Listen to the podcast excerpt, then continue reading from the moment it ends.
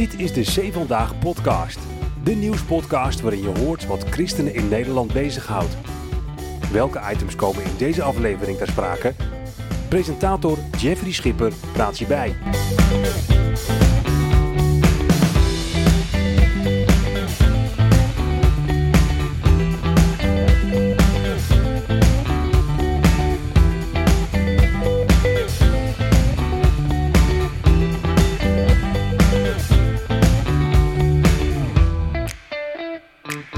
Kerstdagen in zicht en een mooie kerstboom voor onze neus zitten wij hier bij Martin Korenstra in het gebouw van Royal Mission voor een nieuwe C Vandaag podcast.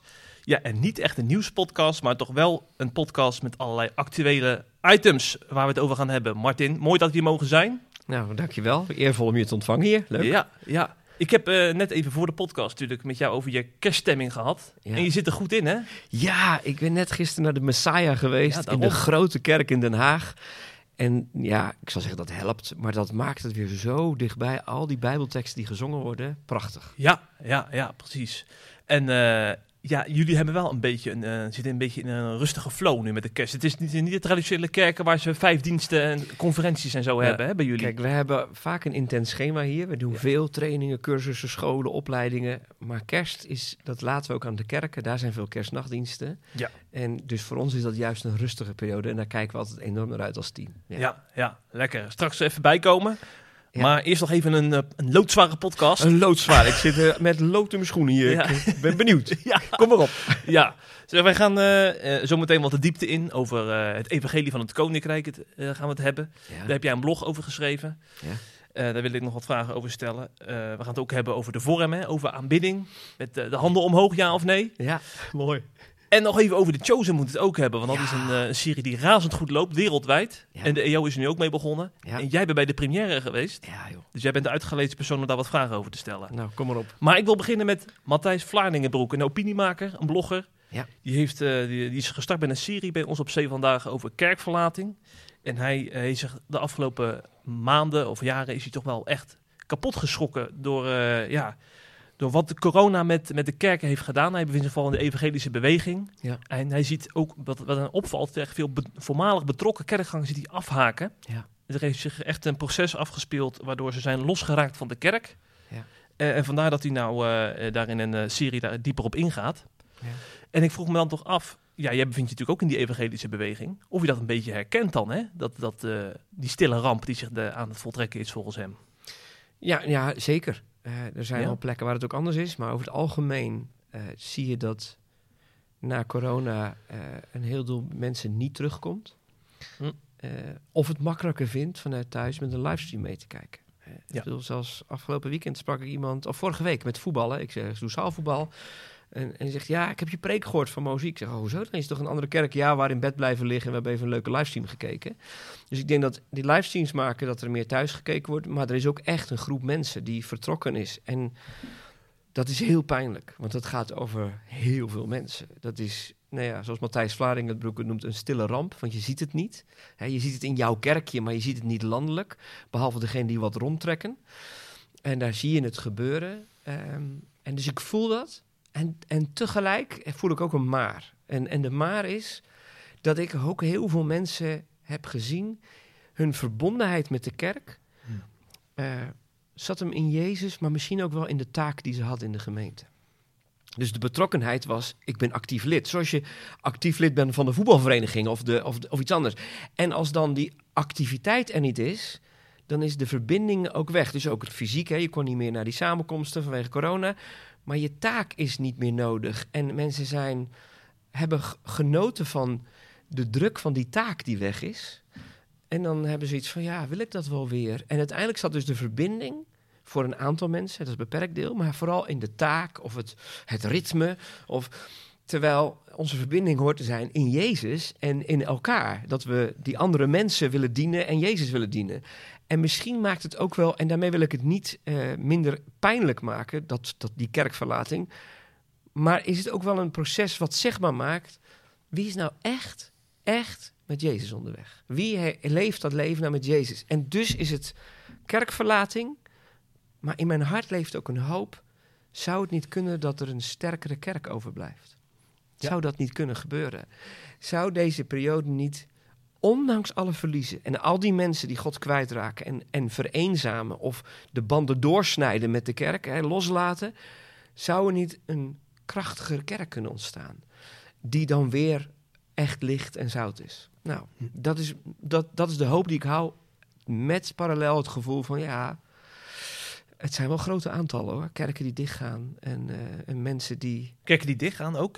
Zijn er voorbeelden van, ja? Nou ja, kerken die dichtgaan. Ik, ik, ik weet in ieder geval dat mensen dat er kerken best wel heel klein geworden zijn. ja.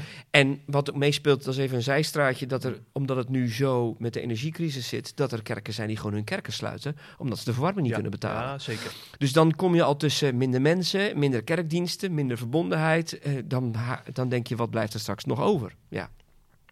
Maar ik, wat ik me dan wel afvraag, de evangelische beweging is toch vooral bekend als mensen die vanuit hun eh, intrinsieke motivaties, vanwege hun geloof, eh, zich in die kerken bewegen. Maar, maar blijkbaar zijn, zijn er dus ook wel eens zijn dus ook processen aan voltrekken waardoor, waardoor die taak eh, een beetje los kan komen te staan van, van, van, van het persoonlijke geloof. Dat kan ook in de evangelische beweging gebeuren. ja, ik denk dat elke kerk, elke denominatie ehm, zijn gewoontes of tradities heeft. hè. En ik, in mijn jonge jaren keek nogal naar de reformatorische kerken, waar ik, ik groeide in België op, dus de context was een beetje anders, maar af en oh, die hebben wel heel veel tradities. Maar door de jaren ontdek je, al die kerken hebben dat, al hun gewoontes. En er zijn dus ook genoeg evangelische, waar we het vaak meer over beleving hebben en ervaring en over een, een levende relatie met God. Dat er ook daar heel veel mensen uit gewoonte zitten. eh, als consumenten en genieten van zo'n kerkdienst. Maar waar genieten ze nou van? Genieten ze nou van wat er in die dienst gebeurt? Of ervaren ze leven met Jezus? En dus ook binnen de evangelische kerk. En ik denk juist door de, ja, de inzet op kwaliteit en op, op goede performance, dat we juist dat nog meer bevorderen. Dat mensen daar komen voor het optreden en de performance. En dat is ook ons, onze drive als Roy Mission. Herleving van de kerk heeft te maken met een beweging van discipelschap of geestelijke groei. Niet alleen aanwezig zijn en genieten, maar groeien. Want dan, uh, al zou morgen mijn kerk dichtgaan, het gebouw, zijn wij nog steeds de kerk. En, en de kerk groeit, groeit vaak wereldwijd in de geschiedenis, ook in Bijbeldagen, in de tijden van verdrukking. Dan gaat de kerk groeien, omdat mensen verplicht verspreid worden. Lees maar in handelingen, ze worden verspreid en overal ontstaan kerken. Dus ja, ook in de evangelische beweging hebben mensen die daarvoor een taak zitten of voor de fijne dienst. En, en je hoopt dat er nu, dat dit een tijd kan worden, zou het niet een tijd kunnen worden van verdieping, diepgang en een krachtige kerk. En dat is ons gebed. Te- dus daar bidden we ook voor. Ja, Ja. Ja. En jullie als Royal Mission, jullie zijn natuurlijk ook echt een beweging hè, die ook boven de kerkmuren uitstijgt. Jullie hebben natuurlijk uit, uitgerekend in coronatijd echt eh, eh, aan die verdieping kunnen werken. Maar jullie hebben natuurlijk via de livestreams heel veel mee kunnen geven aan al die mensen die thuis zaten des- destijds. Ja, Hè? het is voor ons onvoorstelbaar geweest wat, dat, wat die, die tijd betekend heeft. Ja. Nou, neem ons eens even mee voor de mensen die het niet gevolgd hebben. Wat gebeurde er precies? Nou ja, half maart 2020 eh, komen de eerste regels hè, van eh, wat er allemaal niet meer mag. En wij zouden een dienst om genezing hebben, geloof ik. En dat kan niet meer in de zaal. Toen bedachten we, toen kwam er een soort ja, heilig ongenoegen in ons team. Dit laten we niet gebeuren. Niet wetende wat er zou komen. Ik bedoel, je hebt gewoon dat moment van dit mag niet meer. Toen dachten we eerst, we gaan nog een soort drive-in doen om ons gebouw heen en mensen de hand opleggen. Maar al heel snel kwamen wat medici die zeiden van ja, als dit een virus is, ben je het juist aan het verspreiden als je iedereen hier de hand op gaat leggen. En toen kwam heel snel, dan beginnen we met een livestream. En daar zijn we half maart mee begonnen. Gewoon met drie mobieltjes, met trillende handen, drie kwartier eh, filmen. En dat is uiteindelijk eh, vijf dagen in de week, 16 weken lang zo geweest. En uiteindelijk is het naar twee dagen per week of drie dagen in de week. Maar we hebben uiteindelijk eh, bijna 150 afleveringen gemaakt. En ja, we hebben niet beseft dat je precies op de golf zat die nodig was. De hoop brengen in een tijd van hopeloosheid. Vreugde brengen in een tijd van angst. En elke dag, mensen gingen er gewoon voor zitten. Dit is weer even opladen in die onzekere tijd. We hebben zoveel nieuwe mensen bereikt. Zoveel kerk, kerkmuren doorheen gegaan. Omdat mensen hoefden niet naar onze samenkomst, naar ons gebouw te komen. Ze konden gewoon thuis achter hun laptop of computer of hoe dan ook meekijken. En we hebben zoveel nieuwe mensen bereikt. Ook uit ja, andere kerken. Het is voor ons een enorme zeger, intensieve tijd geweest. Want mensen hadden soms in corona, oh, dit is rustig, hè? je bent lekker thuis, minder activiteiten. Nou, wij hadden het drukker dan ooit. En, eh, en tegelijk zoveel nieuwe mensen bereikt dat wij terugkijkend een enorme groei hebben meegemaakt in coronatijd juist. Hm. En nu zien daar de vruchten van, van hoeveel nieuwe ja, verbindingen er zijn met mensen, met kerken, met leiders. Heel Ja. bijzonder. Maar mijn, mijn hoop is al dat die mensen allemaal in een lokale kerk, naar aanleiding van wat, wat zij bij jullie hebben meegemaakt, en zich nu gaan inzetten. Eh, Gebeurt dat ook dan? Ja, kijk, dat is voor ons wat moeilijk Ja, te zien. ja, hè? Wat je online doet, zie je niet waar, waar mensen precies zitten en wat Nee. ze doen. Eh, maar we krijgen elke week nog, deze week ook, kreeg ik van iemand een mailtje. Jullie hebben me doorheen gesleept in coronatijd. Eh, dus blijkbaar heeft iemand eh, God niet losgelaten, ondanks dat het zo donker was om hem of haar heen. En zijn die dus actieve christenen gebleven? En of dat in hun kerk is, in hun dorp, in hun gezin, dat weet ik dan niet. Maar ik denk dat we heel veel mensen hebben kunnen helpen om hun aandacht op Jezus te richten. In een tijd dat de omstandigheden eh, dat, dat niet lieten zien dat Jezus dichtbij was, in ieder geval. Hm, ja. Ja. Zeg, eh, wat is nou jouw boodschap aan, aan kerken die, eh, die tientallen mensen zijn kwijtgeraakt in die coronatijd en tot, die, tot die stille rampkerken behoren, hè, waar Matthijs Vlaardingenbroek over schrijft? Wat, Ja. wat, wat kunnen die nou doen eigenlijk? Je zou zeggen, je kan ook in de actiemodus gaan, hè, en die mensen terugwinnen. Ja, nou, Dit men- men- menselijke gedachte. hè? De, de- nou ja, goed, dat zou kunnen. Maar in wezen mensen proberen terug te winnen. En dat, dat is niet verkeerd om te doen hoor. Maar het ontstaat vanuit, we proberen te behouden wat we hadden. En dat was eigenlijk in coronatijd al. Heel veel leiders kwam ik tegen die zeiden, wat blijft er over na corona? En eigenlijk ben je dan in de soort, eh, ja, je wil beschermen wat je hebt. Maar het evangelie is nooit beschermen wat je hebt, is uitdelen wat je hebt. Dus het evangelie is gewoon altijd avonturieren. En niet dat wij het allemaal goed gedaan hebben, maar die livestream ervaar ik terugkijkend als door God ingegeven. We zijn niet proberen te behouden, want heel veel cursussen van ons konden ook niet meer. School voor leiders, school voor allerlei opleidingen. Mensen konden fysiek hier niet komen. Maar we gingen juist iets anders doen. En de vraag in coronatijd die ik ook al stelde aan leiders, maar wat wil God jou hierdoor leren? Niet dat corona bij hem vandaan komt, maar wat kun je nu leren? Wat wil God hierdoor zeggen? Wat kunnen we eh, opnieuw doen? En eigenlijk hoop ik dat leiders gaan nadenken, oké, blijkbaar wat ik deed in het verleden heeft niet de vrucht gebracht die ik hoopte. Want mensen haken af. Dus wat zou God mij nou toe uitdagen om te veranderen in mijn onderwijs, in mijn omgaan met mensen, in hoe we mensen aan elkaar verbinden, hoe we mensen helpen om geestelijk volwassen te worden? Want als je geestelijk volwassener wordt, houd je stand in de strijd. Hè? Huis bouwen op het zand, huis bouwen op de rots. Allebei krijgen ze storm. Maar wanneer blijft het staan? Als je doet, hoort en doet wat Jezus zegt. Ja, en blijkbaar zit daar nog een uitdaging voor ons, al, ook voor mij. Maar leiders, ga meer aan de slag met geestelijke groei van mensen. In plaats van events, samenkomsten, conferenties, dagen organiseren. Ga met mensen samen onderweg. Zodat die kern gezonder wordt, want die vermenigvuldigt zich. Ja. Dit klinkt ook als het uitleven van het evangelie van het koninkrijk. Het schuurt er zeker tegenaan, ja. ja, ja. Daar hebben we een tijdje geleden op Zevendag een blog over eh, eh, geplaatst van jouw hand. Ja. Naar aanleiding ook van, van, van een, een groeicursus eh, die daarmee verband houdt. Voordat we daarop ingaan, misschien is het goed om onderscheid te maken eerst hè, tussen het evangelie van redding en het evangelie van koninkrijk. Want dat zijn twee verschillende aspecten die je uitlicht. Wat Ja. is het verschil? Ja, goed. Laat ik ze. Ja. Voor ik het. Ik wil het verschil toelichten. Maar ik maak een karikatuur. En soms Ja, een karikatuur maak je om bepaalde details groot te maken. Ja, terwijl, hè, maar ik, ik maak twee evangelieën zet ik tegen elkaar.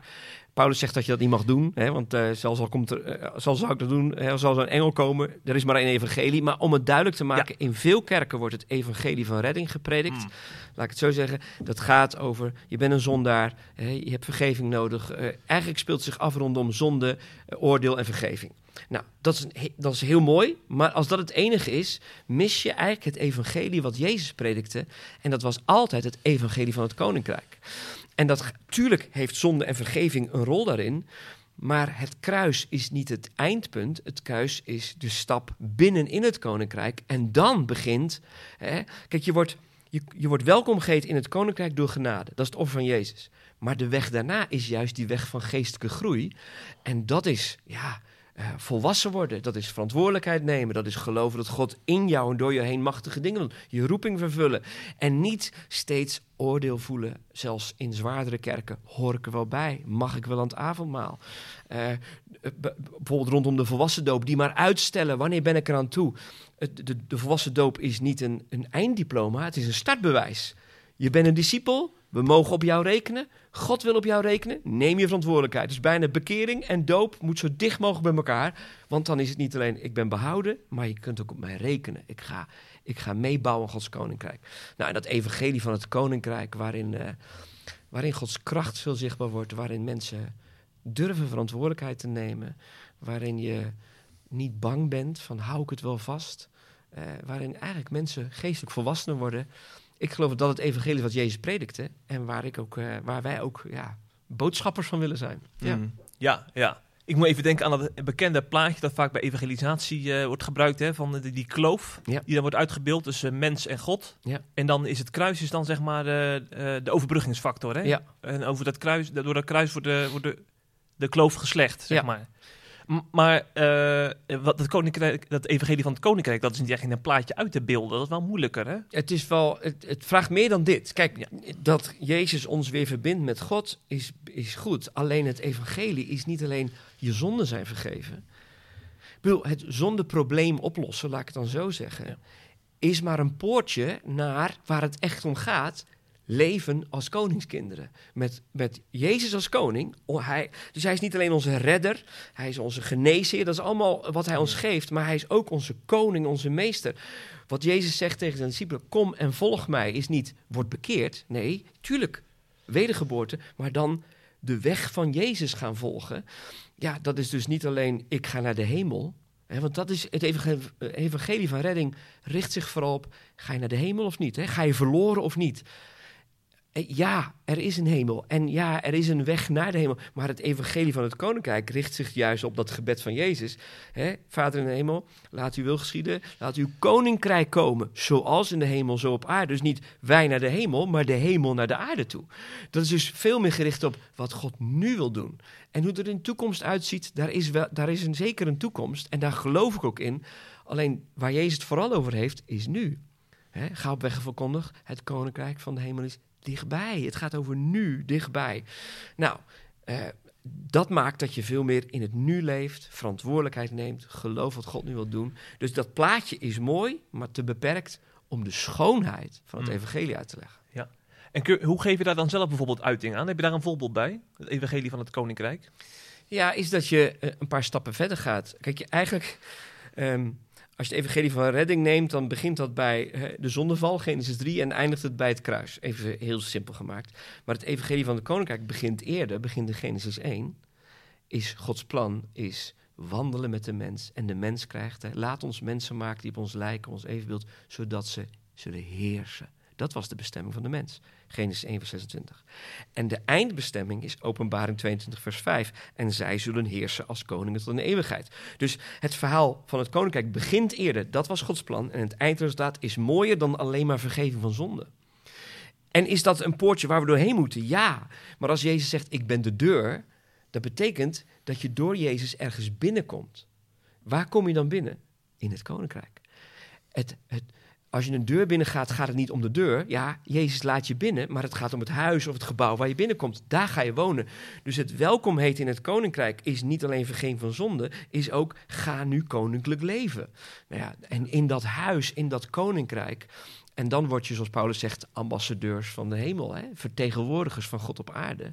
Eh, vanuit genade, maar dat is de opdracht die Jezus ons geeft. En jij woont in Veenendaal. Ja. En hoe, hoe, hoe leef je dan koninklijk hier in Veenendaal? Het Jeruzalem van Nederland. Nou, dan zit ik op een prachtige plek. Dat is hier. Nou ja, wij, wij zeggen al jaren dat een van de manieren om het wat concreter te maken is. Jij kunt een verschil maken door de woorden die je spreekt, de werken die je doet en de wonderen die je verwacht. Woorden, werken, wonderen. En, en het koninkrijk is natuurlijk veel meer dan dat. Daarom dat Jezus al die gelijkenissen uitlegt om het een beetje duidelijk te maken. Maar woorden, werken, wonderen. Hoe praat ik met mensen? Wat doe ik voor mensen? En waar verwacht ik wonderen? Nou, en dat betekent dus onder andere voor mijn buurvrouw van 81, dat wij wonen onder twee onder één kap, dat, ik, dat we kerstlampjes hebben gekocht die lang genoeg zijn voor het hele huis. Dus de hele dakgoot, ook van haar. En dan komt zij ons danken en zegt ze, wat lief dat jullie die kerstlampjes ophangen. Wat we even gevraagd. Ja. En zegt ze, maar jullie geven echt licht in mijn leven. En dan ben ik dus een vertegenwoordiger van de koning. Want wat doet God? Hij brengt altijd licht in de duisternis. En dus dan gaat het niet om, ben jij, is die vrouw nu bekeerd? Want als mijn opdracht is, ik moet haar bekeren, wordt het een, een bekeringsproject. Maar het, het evangelie van het koninkrijk is altijd liefde laten zien in elke omstandigheid. En dat doe ik lang niet altijd hoor. Ik ben niet altijd een beste vertegenwoordiger. Eh, maar de keer dat ik het wel doe, proeven mensen iets van God. Want Jezus, als Johannes 3, vers 16, dat gebruik ik ook als voorbeeld. Want als liefde van God de wereld, dat hij zijn zoon gegeven heeft. Iedereen kent die tekst. En we denken allemaal, ja, Jezus kwam om deze wereld te redden. Ja, dat kwam die. Maar de kernboodschap was, God heeft de wereld zo lief. Dus God stuurt niet Jezus, ik zal eens even die wereld bekeren. Tuurlijk wil God dat. Maar zijn grootste boodschap, ik heb jullie lief. Al bekeer je je niet, heb ik je nog lief. En het evangelie van het koninkrijk is altijd liefde tonen. Al bekeert niemand zich, zullen wij nog de andere wang toekeren en de extra mijl gaan. En iemand een beker water geven als hij dorst heeft en een deken als hij het koud heeft. Door de woorden die we spreken, de werken die we doen en de wonderen die we verwachten. Want wonderen tonen iets van de kracht van de geest. Trouwens ook die woorden hoor, die geïnspireerd zijn en die werken van bewogenheid. Het is eigenlijk allemaal het werk van de geest. En dan zie je weer, wij zijn verantwoordelijk, maar zonder de geest kan je niks. Ja. Maar Gods geest die mensen aanraakt. Ja, en daar gebeurt dat mensen gegrepen worden door Gods goedheid. Ja, je hebt het echt heel concreet gemaakt. Dat, dat helpt heel erg om Ja. er eh, een goed beeld bij te krijgen. Maar dan wil ik toch even een kritische noot kraken aan Kom de hand van een Zee Vandaag lezen. Hè. Ze zijn altijd soms een beetje kritisch, hè, af en toe. Ja, er zijn wel wat reagerers die Ja. eh, dat kunnen. Ja. Maar dat is mooi. Ja, nou, ik zal er Zolang het met liefde is. Oké, ja. Nou, Paul Verhoeven bijvoorbeeld, die zegt dan, die heeft ook jouw blog gelezen. En hij zegt, het klinkt allemaal prachtig wat jij zegt, Martin Korenstra. Maar in feite wordt het evangelie van redding nu als achterhaald neergezet. Jouw reactie op hem? Nou, achterhaald is verre van wat ik bedoel. Dan ben ik, heb ik niet duidelijk uitgedrukt of hij heeft mij niet begrepen. Dat kan, hè? Ja. Want het kruis is, hè, Jezus is de deur. Als je de deur weghaalt, kom je niet binnen. Dus Jezus is de deur. Het is alleen, ehm, ja, zoals je het bijna zou zeggen, en een beetje confronterend om dit te zeggen. Heel veel prediking is gericht op het kruis. En het kruis is belangrijk, maar een prediker, niet ik, maar zij is een keer, een vrijgemaakte prediker. Het kruis staat er niet meer, maar de troon is voor eeuwig. En dat is, het kruis is de, de ingang. Zonder redding, is, zonder verzoening is er geen koninkrijk. Dus het is niet uitgerangeerd, alleen het is de deur tot. Dus het doel tot iets anders. Willem Ouweneel vergeleek het vroeger met... stel de koning komt bij jou bezoek, of de koning, hè, de koning komt bij jou bezoek en het heeft gesneeuwd. Dus de koning kan eigenlijk helemaal niet komen. Dan moeten er eerst sneeuwruimers komen, zodat je, dat de koning kan komen. Nou, waarom moet die, waarom, wat was het doel van de koning? Niet om de sneeuw te ruimen, om bij jou bezoek te komen. Nou, wat wilde Jezus? Hij wilde deze aarde weer laten zien hoe de hemel is. Alleen de sneeuw moest geruimd worden. Dus het zonneprobleem moest opgelost Hij kon niet komen zonder het zonneprobleem op te lossen. Alleen het doel was niet, ik heb het zonneprobleem opgelost. Het doel was de mens herstellen in zijn bestemming en meenemen in dat koninkrijk. Nou, Ja, helder. Ja. ja, ja. Ik, ik zou zeggen, eh, niks meer aan toevoegen. nou dankjewel. Fijn dat jij het er niet met me eens bent. Dat scheelt alweer één. Ja, ja. Nou, weet je wel, weet je wat ook een beetje frustrerend is soms? Van, eh, deze boodschap, eh, die wil soms maar gewoon niet binnendringen, omdat mensen zo vastzitten in van, ik, ik ben niet zeker van mijn bekering. Ik, ik, ik, eh, dat ze ook door, door, door allerlei zondig gedrag weer gaan twijfelen aan hun eigen redding, maar ze is wel zeker van waarde. Ja. En dan kom je elke keer weer bij die hobbel uit. Ja. Ja, en, en, en, en zo gaat die, die sneeuw die blijft dan maar voor die deur liggen, zeg maar. Ja. Dat, dat is natuurlijk wel een frustratie Nou, voor dat heel is veel natuurlijk mensen. wat ook in veel kerken gepredikt is. Ja.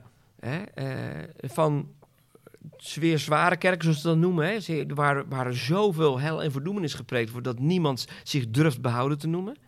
Hè, waar in een kerk van duizend mensen, tien mensen aan het avondmaal gaan.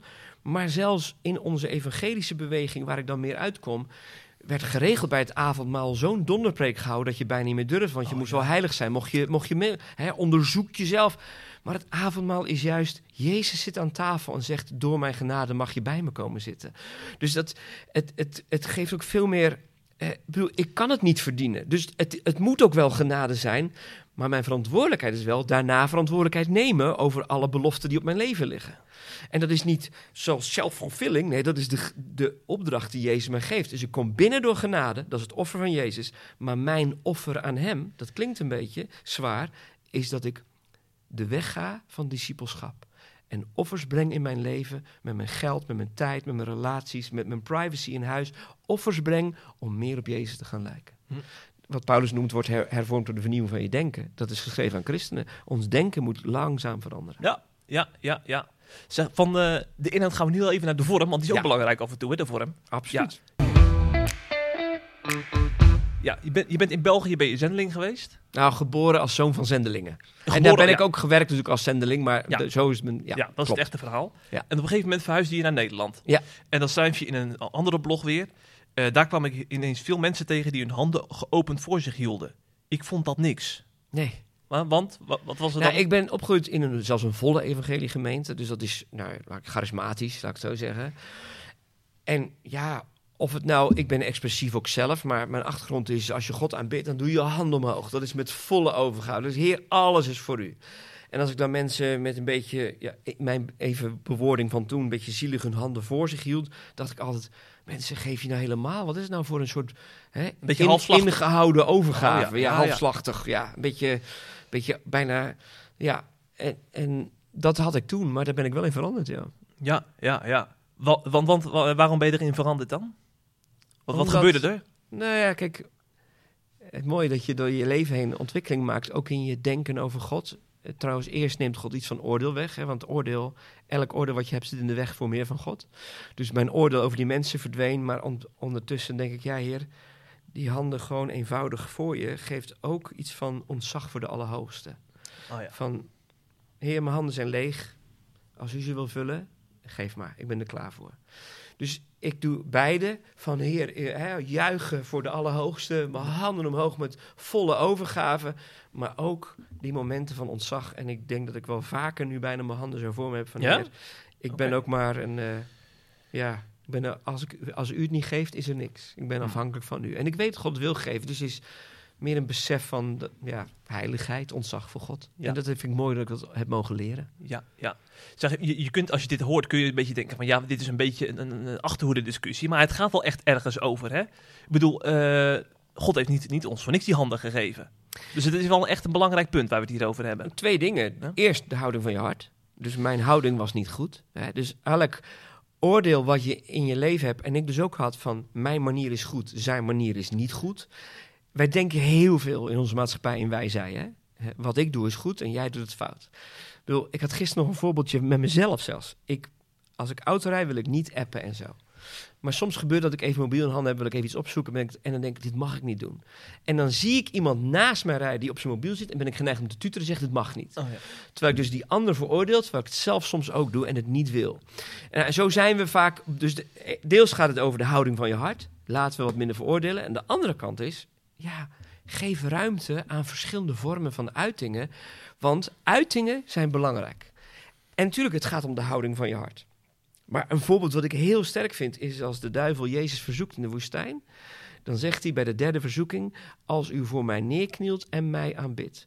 Dus zelfs de duivel zegt, je hoeft het niet alleen te zeggen, ik aanbid u, je moet het ook fysiek laten zien.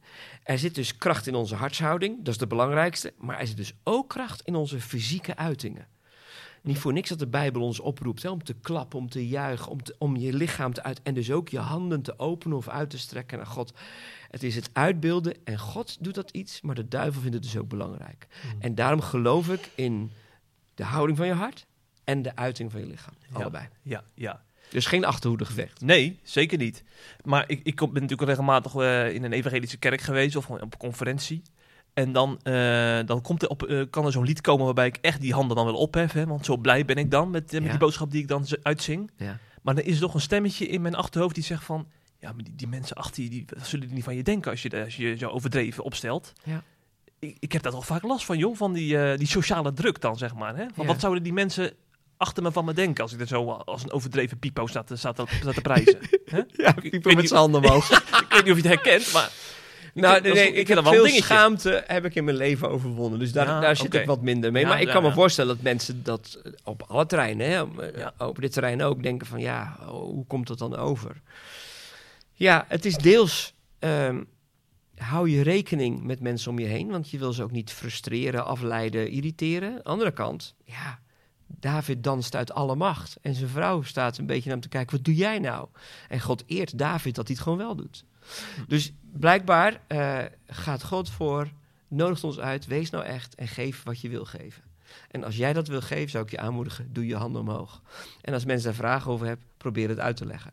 Ja. Eh, maar ik snap ook dat dat stemmetje er soms is. En dat is mooi om daarmee af te rekenen, want ik Ja. doe het voor voor de Allerhoogste, niet voor de mensen om me heen. Mm, ja. ja, het mooiste zou zijn als mensen zich wel vrij voelen om gewoon stil te zitten en in, in, in, in, in gedachten te aanbidden.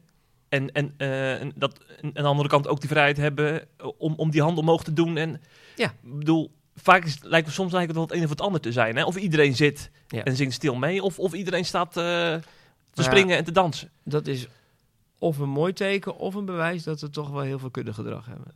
Ja, dat, bedoel, dat, speelt zich toch ook wel best wel veel af. Maar dat zie je in de hele maatschappij. Jongeren willen allemaal uniek zijn, willen allemaal zichzelf profileren en ze dragen allemaal dezelfde kleding. Ja. Even heel zwart-wit gezegd. Dus we hebben een verlangen om uniek te zijn. Zie je mij? Mag ik erbij? Mag ik gezien worden? En tegelijk conformeren we ons aan het geheel, want dan vallen we niet op. Dus we, we willen uniek zijn en willen niet opvallen. Maar blijkbaar als je uniek bent, dan ben je ook uniek. Dan is het, nou, en ik zou, God heeft ons uniek gemaakt, wees uniek. Zonder over grenzen heen te gaan, maar gewoon voel je vrij om God te aanbidden. Als er tijd van aanbidding is, is er ruimte om God te aanbidden. Binnen de kaders die die kerk stelt, hè, wat ze wel of niet willen. Ik bedoel, je hoeft niet overal doorheen te gaan schreeuwen. Maar je kunt wel je handen omhoog doen om te zeggen, dit is mijn offer aan u. Ja, dat Ja. zou kunnen. En ik zou mensen toe aanmoedigen om zich niet te veel laten eh, formeren door de groep, maar mee te gaan in wat, wat jij aan God wil geven. Dat is het ook, het is ook jouw offer. Het is niet alleen van iedereen, het is ook van jou. Ja, Hmm. of jouw aanbidding. Ja. Ja, ja. Hoe, hoe belangrijk is dat nou eigenlijk voor jou? Eh, want eh, ik kan me voorstellen eh, dat je ook regelmatig je handen opheft als je bijvoorbeeld thuis eh, in aanbidding bent. Het is toch niet alleen op een in een conferentiezaal dat jij aanbidt, niet. hè? Neem dat ik aan. zou wat zijn. Ja, ja. Als dat alleen daar is, dan zou het heel veel fariseïsme zijn bijna hè, voor de ogen van de mensen. Ja. Maar kun je, kun je, kun je mij eens vertellen waar de kracht hem nou precies in zit? Hè? Als, dat, als dat nou gebeurt. Je, want ik heb het idee dat eh, bij aanbidding hè, zitten we nog, nog vooral een beetje eh, eh, aan de vorm te denken. Terwijl er gebeurt echt iets in de geestelijke wereld hè, als, er, als er aanbeden wordt. Ja, Ja. daar kan je best wel veel over vertellen. Dat voert te ver nu. Maar er Ja. zijn natuurlijk mooie voorbeelden in de Bijbel van wat aanbidding doet. Hè? Ja. Eh, gaande van eh Jozefat die de muzikanten voor zijn leger neerzet. Of Elia die geroepen wordt om te profiteren. En hij zegt, laat er eerst een, een, een harp spelen of een lier spelen komen. En als de muziek speelt, dan gaat hij woorden van God spelen, spreken. Dus dat betekent dat die muziek bij hem iets vrijzet... waardoor hij makkelijker Gods stem verstaat. Kijk. Dus aanbidding doet ook iets met die eh, horen van Gods stem. Het Hmm. heeft te maken met strijd voeren. Eh, David die muziek maakt als Saul voor hem zit. Hè? En dan moet er een lierspeler komen dat Saul last heeft van een boze geest. En iedere keer als je muziek spreekt, wijkt die boze geest. Dus die muziek is, doet iets geestelijks. Hè? Geeft woorden van God. Dus God komt dichterbij en demonie wordt weggeduwd. Nou, dan geestelijk kun je het niet hebben. Dus aanbidding en muziek doet iets geestelijks. En ik snap dat de een daar gevoeliger voor is dan de ander. Dat er meer gevoel voor heeft. Maar ik ben echt overtuigd dat het niet alleen eh, liedjes zingen is... of alleen de tijd vullen in de kerkdienst. Want ja, anders is de kerkdienst wel heel kort als we alleen maar de preek hebben.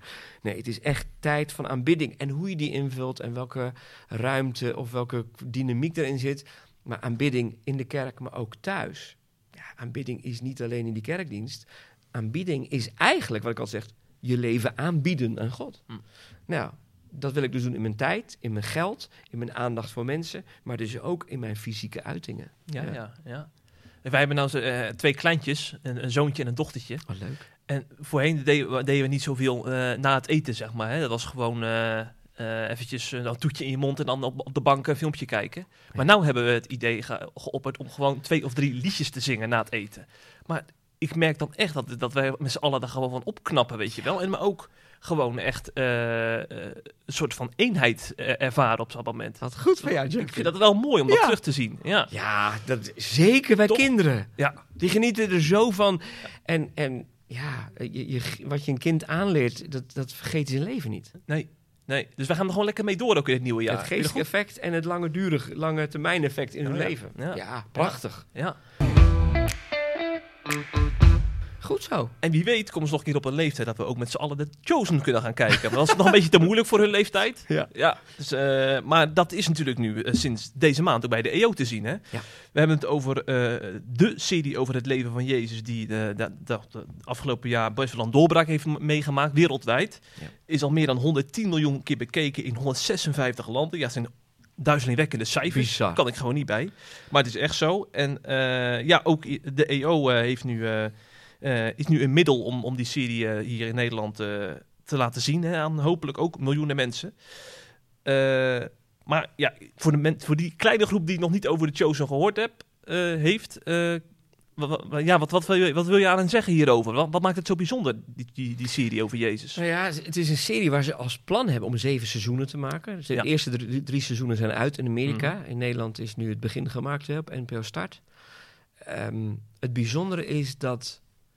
Laat ik beginnen bij de Jezusfiguur. Die is gewoon wat echter of zo. Wat minder, minder verheven of zweverig. Of, eh, en, en ze hebben gewoon de Bijbelverhalen genomen. En natuurlijk hebben ze de vrijheid genomen daar dingen omheen, verhalen omheen te maken. Om er een, een mooie serie van te maken. En ik vind het knap dat je iets proeft van die tijd. De verhalen die je kent in een wat bredere context te zien. En ja, we keken met elkaar op de première de eerste aflevering. Ja, je was op de première. Ja, was de première. Ja, dit was prachtig om met zoveel ja, leiders, mensen daar te zijn. En samen aflevering 1 te kijken. En dan zie je dat Maria van Magdalena, die komt langs. En je ziet dat ze ja, last heeft van angstaanvallen. Is als, als kind en dan later als volwassene. En hoe Jezus haar bevrijdt, maar op zo'n, ja, wat zou ik zeggen, integere, lieve manier. Hè. Bevrijding kan ook wat vervreemdend zijn, zeker voor buitenstaanders. Maar ik denk dat zelfs een buitenstaander, als hij dit ziet en het geduld heeft om... Want je moet wel even langer kijken. In het begin Ja. worden wat verhaallijnen uitgezet en ben je een beetje aan het zoeken waar zijn we. Maar hoe zij aan het eind... Ik zat te huilen in de zaal en ik had de neiging om mee te bidden met Jezus. Het was zo... En ik proefde het ook aan mensen om me heen. Het was, het- en ik hoop en ik denk dat deze serie de potentie heeft om mensen dichter bij Jezus, dichter bij die tijd en dichter bij de kracht van het evangelie te brengen. Ja, echt cool. Hm, hm. En ja, het bewijst zich al in de bizarre aantallen van bereik en landen nou, en vertalingen. En, en het is helemaal gecrowdfund. Hè? Ook Dit nog, is ook ja. de grootste gecrowdfunde serie ever. Dit is bijzonder hoor. Ja, ja. Want we hebben het heel vaak over eh, dat de preek het middel is om mensen dichter bij God te brengen. Maar dan denk ik van, nou zo'n serie kan net zo'n krachtig middel zijn, toch? For sure. Ja, wij, zijn, wij zijn beelddenkers in deze tijd. Ja. Eh, Als, ik- als ik een A4'tje lees of dat A4'tje is in een schemaatje uitgetekend, kijk ik naar het schemaatje. Dat doen we. Als je scant door een of ander tijdschrift heen of, of krant, dan kijk je eerst naar de plaatjes en de koppen die erbij staan. Wij zijn veel minder op tekst gericht en veel meer op beeld. Dus ja, en beeld is, is een verhaal wat je ziet. Tekst moet je echt induiken, wil je datzelfde gevoel hebben. Dus ik denk dat heel veel mensen helpt die ook niet het geduld hebben om helemaal te gaan lezen. Om een aanraking te komen met het, het verhaal van Jezus. Ja. Bijzonder. Maar z- zeg je dus van, eh, ik heb natuurlijk wel wat ongelovige buren en vrienden en zo. Zeg je, dit is een hele uitge- een eh, geschikte serie om, om gewoon eh, eh, met hen samen te kijken? Ik noem maar wat. Nou, met hen samen, dat zou, dat zou mijn sleutel zijn. Want als mensen dit alleen gaan kijken... Ik merkte bij de eerste aflevering... Zelfs ik moest de eerste tien minuten even denken. Het gaat over eh, Nicodemus, het gaat over Maria van Magdalena. Er worden wat verhalen gestart... die natuurlijk uitgerold moeten worden in de serie. Maar als je... In het begin kan het ook wezen, waar kijk ik nu naar? Wat gebeurt er? Maar als je dat met mensen doet en even door die eerste aflevering heen bent... Ik hoorde van iemand van aflevering drie of vier... dan heb je echt, de, oh, nu zie ik de lijnen lopen. Dus daar zie ik wel even de uitdaging voor een, als iemand wildvreemd dit thuis op de bank eh, gaat bingen, dat moet hij wel even door drie afleveringen heen om erin te zitten. Maar ik denk dat het een enorme kans is voor kerken om, of organisaties om dit met mensen of ergens in te zetten in een bepaald programma. Ik denk zelfs dat je in de alfa-cursus stukjes kunt kijken Oh die ja. passen bij het onderwijs waar je mee bezig bent. Ik denk dat er zoveel gebruik het op de plekken waar het, zijn- waar het tot zijn recht komt, want het is een prachtig middel om op heel veel manieren in te zetten. Ja, ja. We begonnen de podcast met kerkverlating. Hè, dat Ja. mensen ja, misschien via de achterdeur de kerk uitgaan. Maar dit zou wel eens een beweging kunnen zijn waarbij mensen via de voordeur de kerk inkomen. Niet alleen de kerk inkomen, maar opnieuw het verhaal van Jezus horen. Ja, daar gaat het vooral om, hè? Want er groeien zoveel mensen op die geen idee hebben. Buiten dat Jezus in het jaar nul geboren is en onze tijdsrekening daardoor bepaald is. Maar zoals dat weten sommigen al niet. Eh, en dat begrijp ik, dat neem ik niet kwalijk. We leven in een seculiere maatschappij. Dat is een gegeven. Alleen, ik word altijd bemoedigd dat ook in het jaar 30, rond Jezus zijn bediening, was het ook een seculiere maatschappij. Het was een Romeinse cultuur. En ook binnen een Romeinse cultuur waarin Jezus en God de Vader er helemaal niet. Het mo- het moest verteld en het ging de hele wereld over. Het evangelie van Jezus heeft de potentie om elk mens te raken met de liefde van God. En daar geloof ik in en daar zal ik tot de laatste dag van mijn leven in geloven. Hm. En daarom, ondanks de verliezen die ik voel, blijven wij, blijf ik hoopvol voor wat God kan doen in deze tijd. Ja, ja, ja. En om daar verder uiting aan te geven, gaan jullie in januari een, eh, een discipel- discipelschaps- discipelschapscursus geven, toch? Namens Een Royal conferentie. Mission. Ook We hebben conferentie. sinds eh, september een nieuwe zaal in gebruik genomen. Op een bijzondere manier. Heet ook Malieveldzaal. We hebben het zo genoemd omdat het Malieveld 1958 was de plek waar Honderdduizend mensen luisteren naar het evangelie. Gewoon in Nederland op een groot grasveld. Buitengewoon. Dus omdat we ook geloven dat God in deze tijd nieuwe plekken wil geven waar veel mensen Jezus ontmoeten. Ja, en het is ook een plek, die zaal die we gebruiken om conferenties te houden, tweedaagse. En 27, 28 januari is een tweedaagse over discipelschap. Juist over dat proces van navolging van Jezus. Geestelijk volwassen worden. Hoe doe je dat zelf? Maar vooral, Matthäus 28, maak alle volk tot mijn discipelen. Hoe help je anderen om discipel te worden? Want het proces is zo, als je met anderen aan de slag gaat, ga je zelf groeien. Hm. En omdat veel mensen niet met anderen bezig zijn, groei je zelf ook heel weinig. Ja, ja. Want door met anderen onderweg te zijn, kom je zelf ook voor uitdagingen. Nieuwe plekken waar je God gaat vertrouwen of verwachten. Of, of veranderingen gaat aanbrengen in je leven. Doordat je heel open met iemand anders onderweg bent. Dus geestelijke groei is altijd in verbinding met anderen. En daar gaan we voor. Ja, nou dat is een mooie vooruitzichten Martin, Ja. eh, komend jaar. Maar eerst eventjes eh, rustig aan doen dadelijk met die feestdagen. Gaan Eerst nog, even rustig. en dan met Karen leuke dingen doen? We gaan eh, nog met een soort boottour in Amsterdam over de, de wateren daar. Gewoon door Amsterdam, door het centrum. Met, met mijn dochters en schoonzoon. Ja. Dus met het gezin. En we hebben natuurlijk een paar kerstmomenten dat we samen eten. We gaan naar kerstnachtdienst gaan we. Met ook de buurvrouw van 81. Gaat Oh, met ons leuk. mee Die naar de kerstnachtdienst. Wat gaaf man. Jaren, jaren niet in de kerk geweest. Nee, Gaat met ons mee. Zo. Dus dat zijn mooie dingen die gewoon, die zijn allemaal niet heel groot en heel zichtbaar, maar is gewoon, ja, het koninkrijk onder ons.